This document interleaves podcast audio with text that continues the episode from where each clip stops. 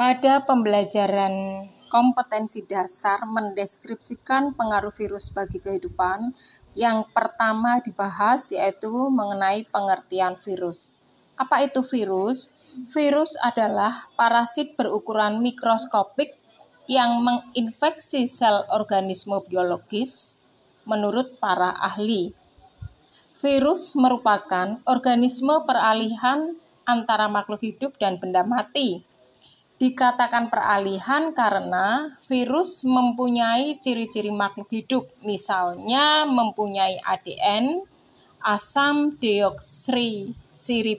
nukleat, dan dapat berkembang biak pada sel hidup.